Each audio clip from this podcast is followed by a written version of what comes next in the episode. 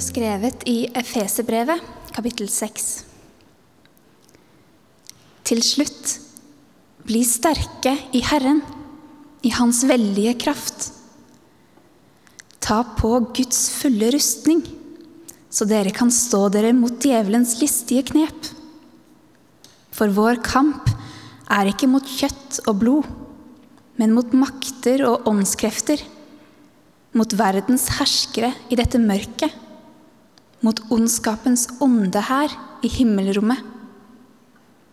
Ta derfor på Guds fulle rustning, så dere kan gjøre motstand på den onde dag og bli stående etter å ha overvunnet alt. Stå da fast.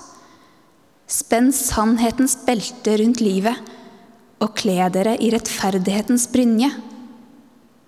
Stå klar med fredens evangelium som sko på føttene. Hold alltid troens skjold høyt. Med det kan dere slukke alle den ondes brennende piler. Ta imot frelsens hjelm og åndens sverd, som er Guds ord. Gjør dette i bønn, og legg alt fram for Gud. Be alltid i ånden. Våk og hold ut i bønn for alle de hellige.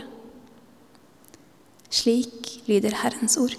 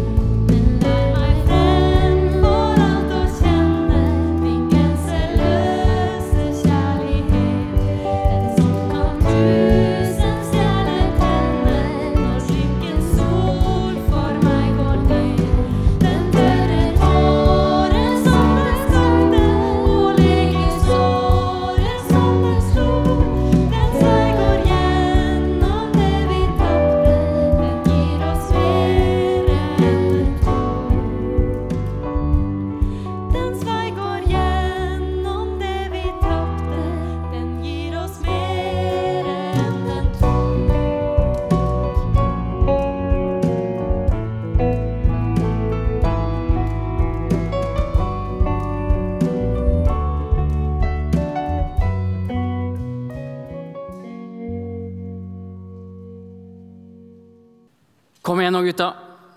Kom igjen, jenter. Gå i krigen nå. Nå skal vi gå ut der, og vi skal blø for drakta. Nå skal vi kjempe.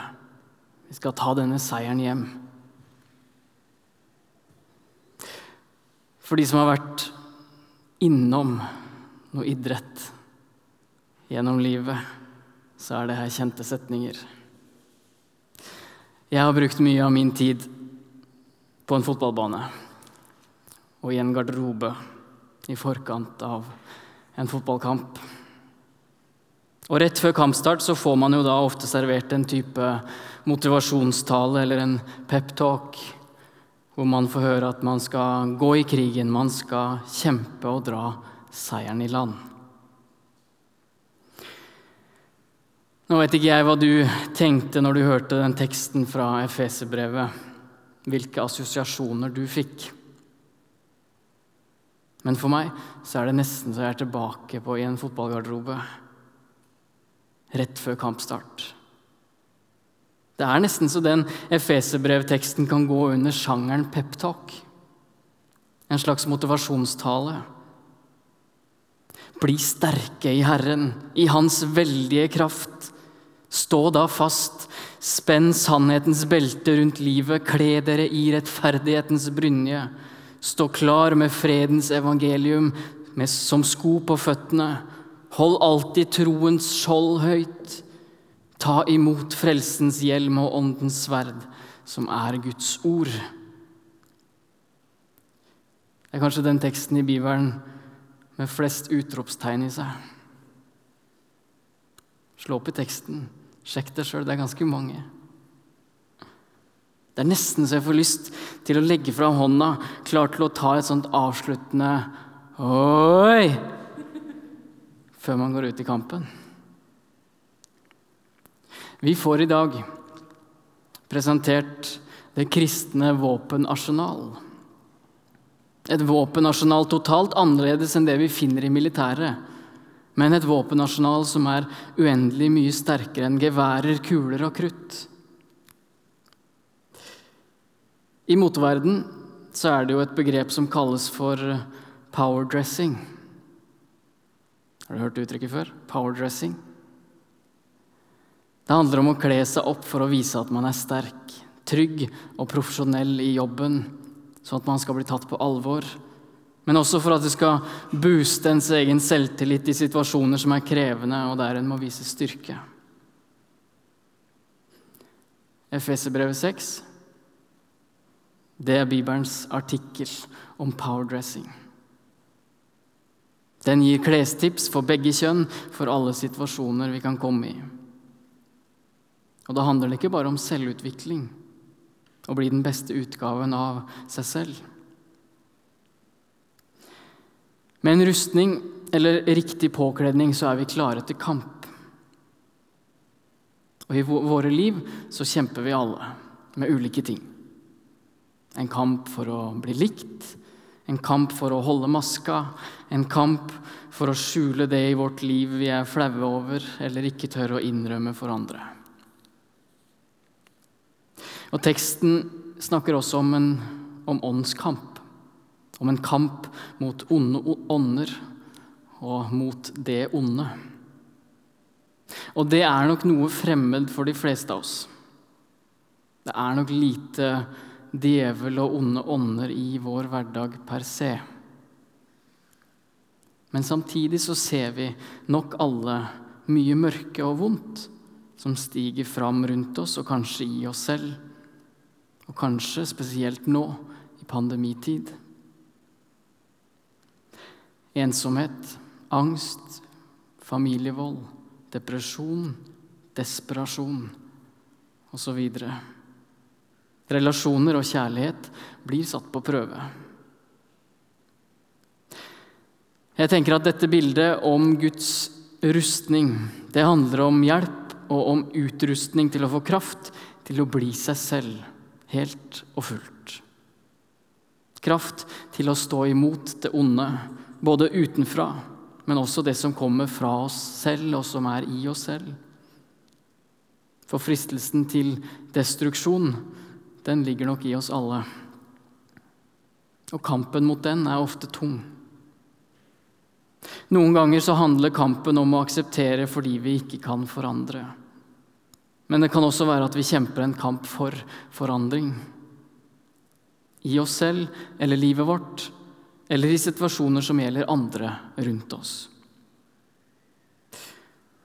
Og mange kan da tenke at alt dette, alle disse utfordringene i livet, de er vi nødt til å fikse sjæl.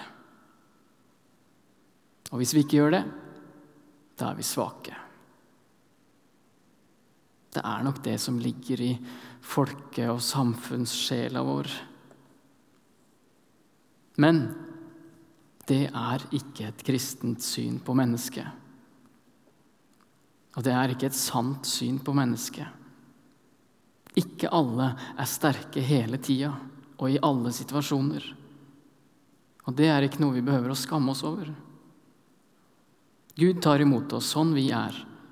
Vi blir tatt imot, og vi kan også få lov til å ta imot styrke fra Gud. Paulus snakker om at når han er svak, da er han sterk. Det betyr ikke at vi er uansvarlige mennesker, men at vi er ærlige og ekte mennesker. Den kristne tro handler ikke først og fremst at du skal kjempe for Gud. Nei, det handler mer om at Gud velger å kjempe i og sammen med deg.